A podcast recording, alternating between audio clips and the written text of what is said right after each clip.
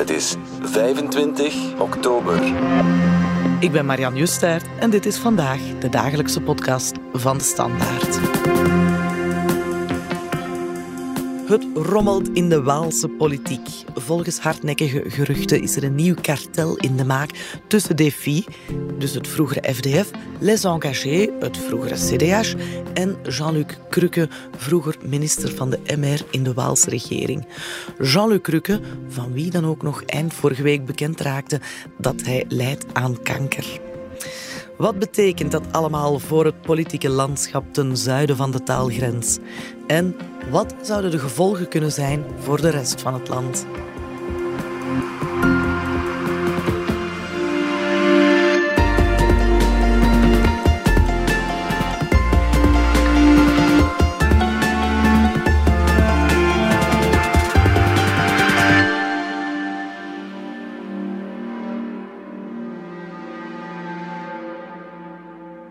Peter de Lobel van de Wetstraatredactie. Jij vertoeft geregeld in Wallonië.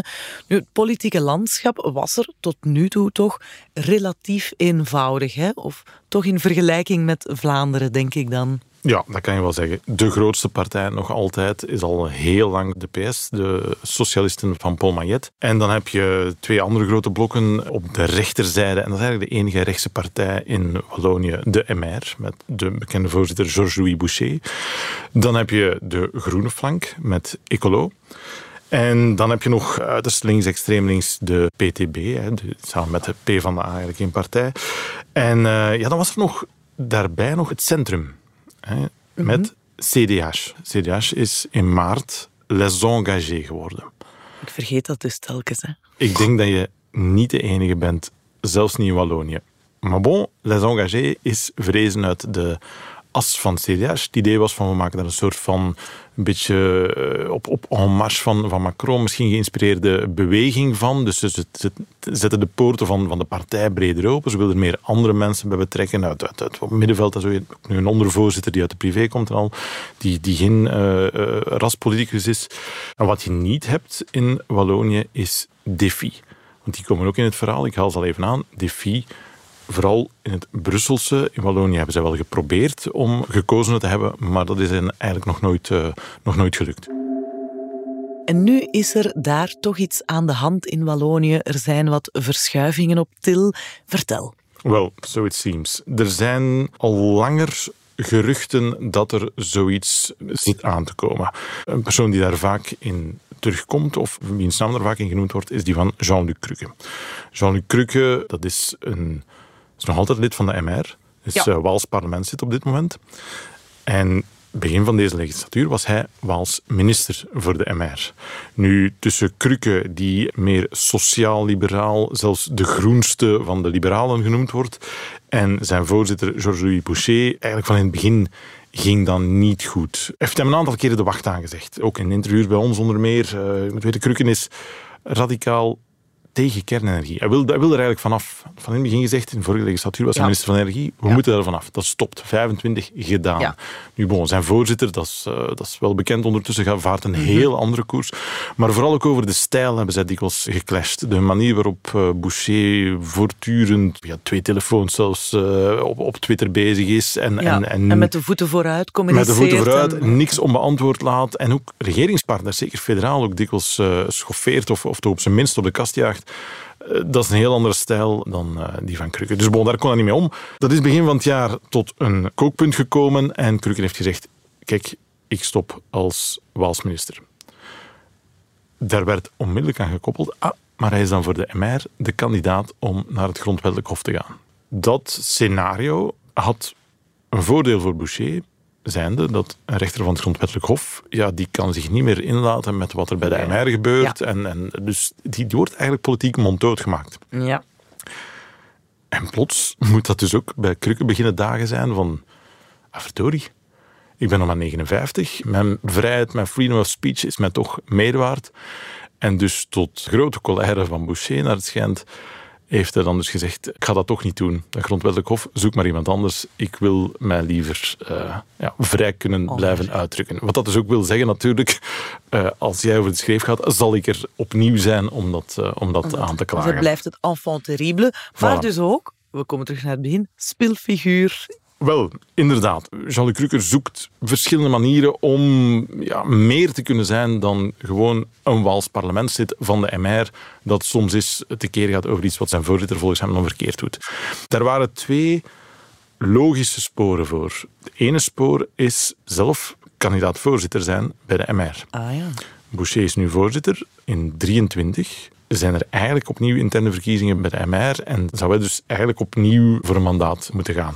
Nu, daar gaan al een tijdje geruchten over dat dat mogelijk zou uitgesteld worden. Andere mogelijkheid, hij gaat iets, iets anders zoeken. Hij gaat proberen een nieuw uh, project, politiek project inderdaad uit de grond te stampen. En dan was een, ja, iets wat daar logisch bij zou zijn, dat hij dan zou kijken naar bijvoorbeeld CDH, Les Engagés ondertussen en eventueel Defi, het uh, vroegere FDF van uh, Olivier Menge. Dus mag ik samenvatten? Krukke, die al op hete kolen zat om een stempel te drukken, is naar Les Engagés gestapt, is naar Defi gestapt om gesprekken aan te knopen over samenwerking en heeft daar uh, een luisterend oor gevonden. De stand van zaken op dit moment is dat er dinsdag ochtend in kranten van Sud-Info is er een, een, een, bericht geplaatst. Er was een artikel dat zei dit is in de maak. Nu, officiële bevestiging hebben we daarvan niet. Krukke hield het op geen commentaar. Maxime Prévost, de voorzitter van Les Engagés, reageerde gisteren niet. De voorzitter van Defi, François de Smet, die heeft het ook heel kort gehouden. En die zei, en I quote...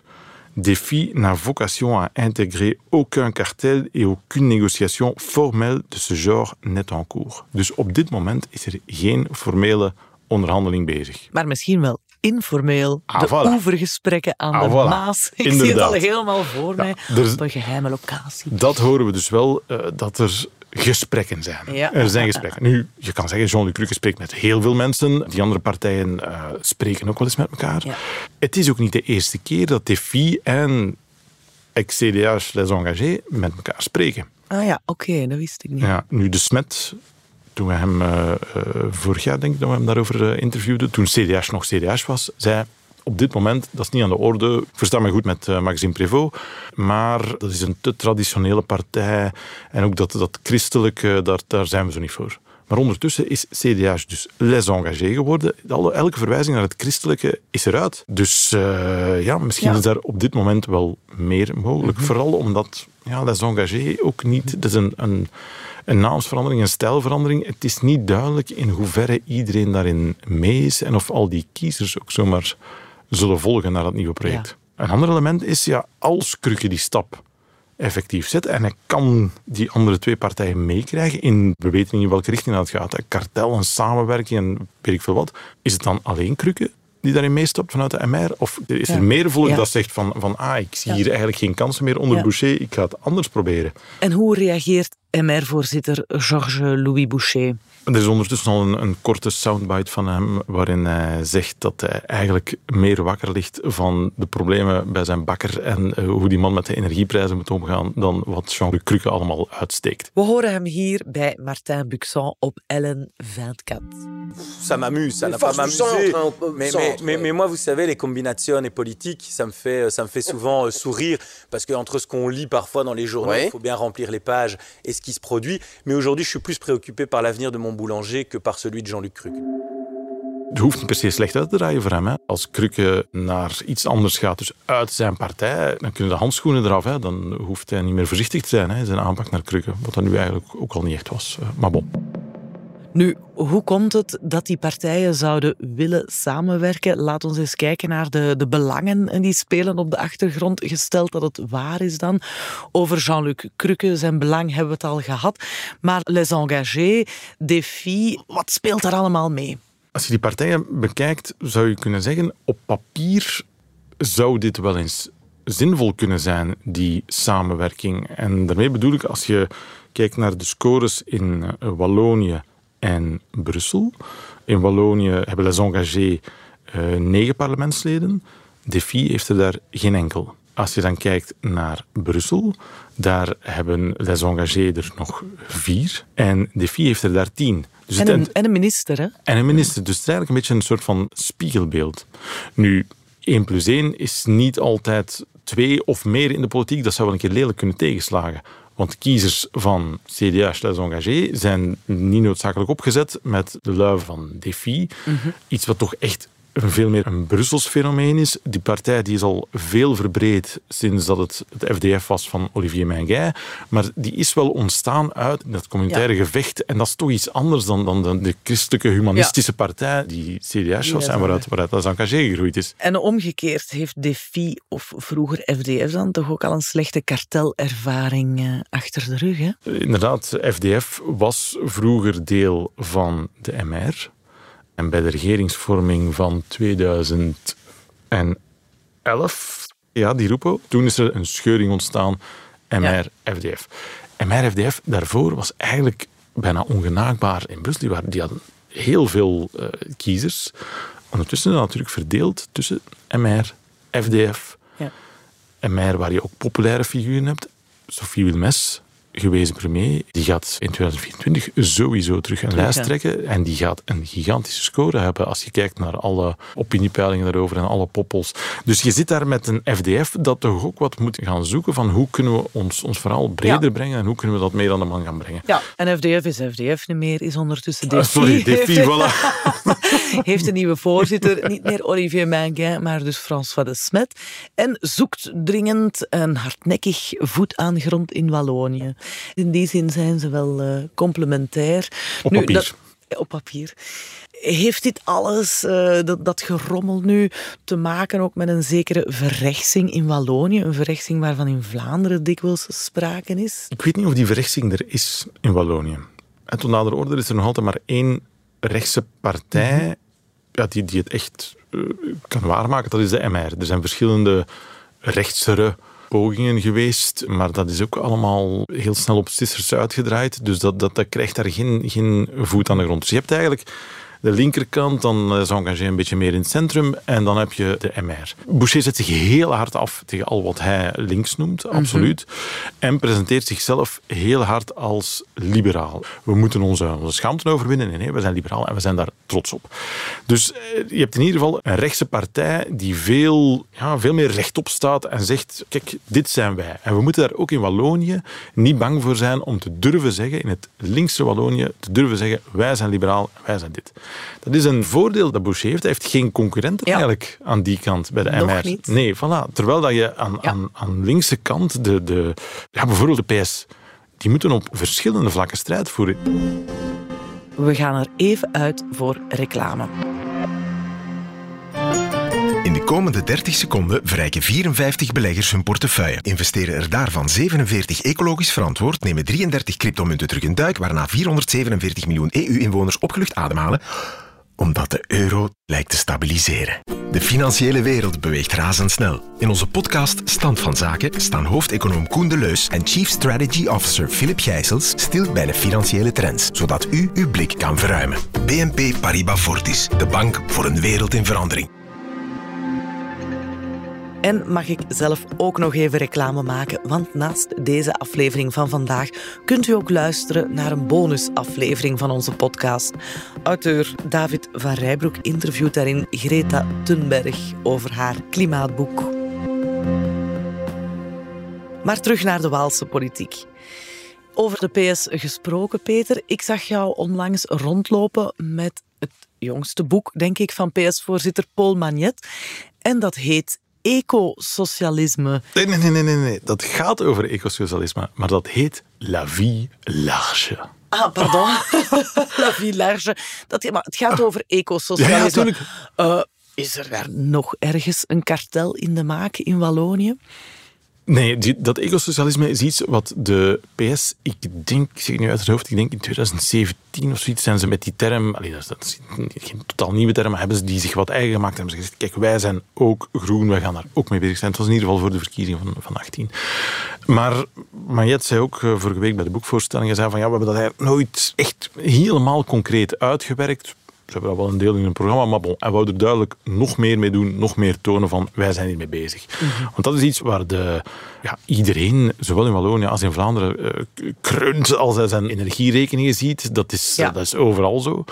Waar ze bij de PS dan heel hard bezorgd om zijn, is dat er alleen maar oplossingen komen genre ecolo. Eh, van we moeten beter isoleren, we moeten af van fossiele brandstoffen, we moeten meer windmolens. Eh, dan zegt een magnet, een socialist, zegt dan van ja, maar allemaal goed en wel. We zullen er wel aan werken, maar eerst ook de mensen en die gaan we eerst moeten helpen. En dat is mhm. voor hem dat ecosocialisme. Het moet eco zijn, maar... Het moet ook sociaal zijn. ah ja, dus geen linkse frontvorming in de maak. Het is een interessante vraag ook. Hè. Als je kijkt naar uh, wat er in 2019 gebeurd is, na de verkiezingen toen in Wallonië.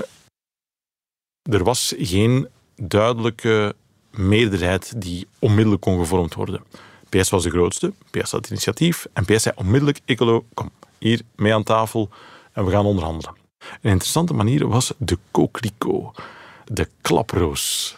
Herinner ja, zeg, inderdaad. Amai, dat zit wel ver, moet ik eerlijk toegeven. Ja. Maar dus, waar komt het op neer? Klaproos, rood-groen. En rood en groen, PS en Ecolo, hadden samen eigenlijk een klaproosnota, uh, lees tussen de lijnen, eigenlijk al een regeerakkoord onderhandeld. Ja, en, en dat was een beetje te nemen of te laten voor de derde partner. Hè? Ze, ze zijn ermee gaan spreken met... Voilà. en profileerden zich zoals en, kingmaker. En, ze gingen terug de boer op. En ik denk dat als je ziet hoe die twee voorzitters van PS en Ecolo, dus Paul Magnet en Jean-Marc Nollet, is een co-voorzitter bij Ecolo samen met Raja Mawan, maar hij is daar toch de, belangrijkste mhm. stem. Maar als je ziet hoe die twee, allebei van Charleroi, eigenlijk heel goed overeenkomen.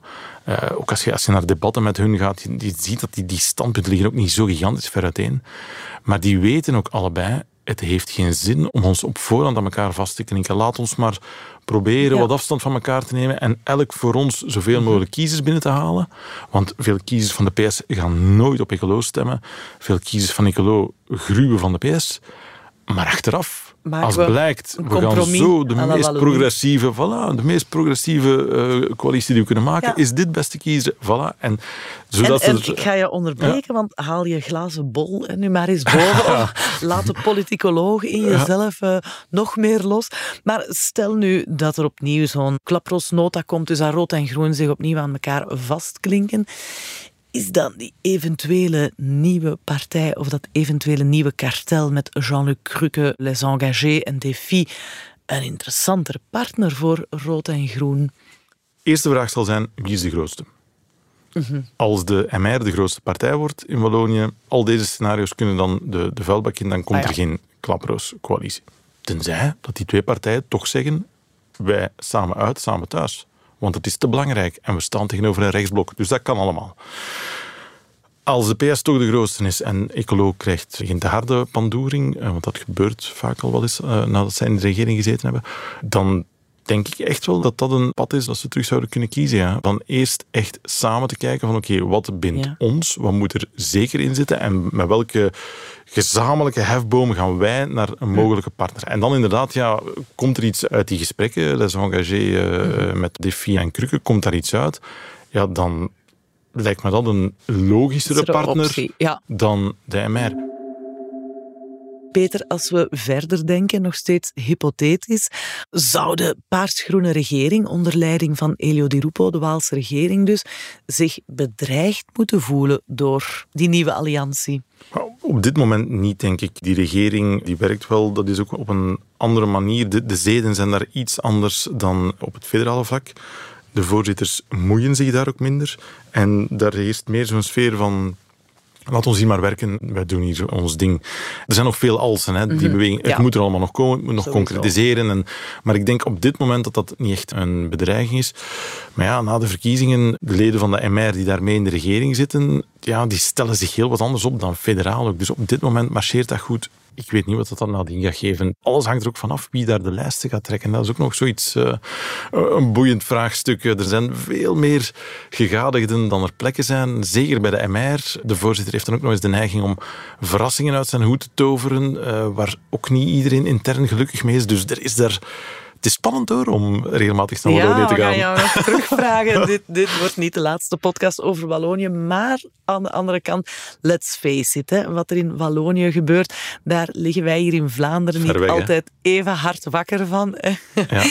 Kan het ook repercussies hebben of een impact hebben, liever op federaal niveau, uh, Brussel, misschien zelfs Vlaanderen, als dit hele scenario of dat hele gerucht nu waarheid wordt? Well, ik denk dat de, belangrijkste impact zal inderdaad eerst Brussel zijn. Hè. De FDF is daar nu geen kleine speler. Als je daar nog een handvol parlementsleden van Les Engagés bij kan tellen, en je krijgt daar misschien nog hier en daar een liberaal die mede een overstap maakt, dan heb je wel een partij in handen die wel mogelijkheden geeft en die je niet zomaar kan opzij schuiven. Je ziet dat nu ook. Het uh, defi wordt ook niet zomaar opzij geschoven. We zitten mee in de, in de, regering. Dus daar kan dat zeker wel een impact hebben. En aangezien dat alles eigenlijk een beetje wel met elkaar gelinkt is, ook daar de vraag, wie wordt de grootste? Zal dat ook gevolgen kunnen hebben op het federale vlak? Al was het maar, omdat, dat hebben we in 2019 ook gezien, eerst al die regionale regeringen gevormd werden en men dan pas ging denken aan het federale, dan pas ging men kijken wat is er, eh, wat is er mogelijk. Dus hoe sneller het daar gaat, hoe rapper het federaal kan gaan, maar dat is allemaal ja, nog ver weg. Avoir. Heel hartelijk bedankt, Peter de Lobel. Met plezier. Dit was vandaag de dagelijkse podcast van De Standaard. Bedankt voor het luisteren. Alle credits van de podcast die je net hoorde vind je op standaard.be-podcast. Reageren kan via podcast.standaard.be. Morgen zijn we opnieuw.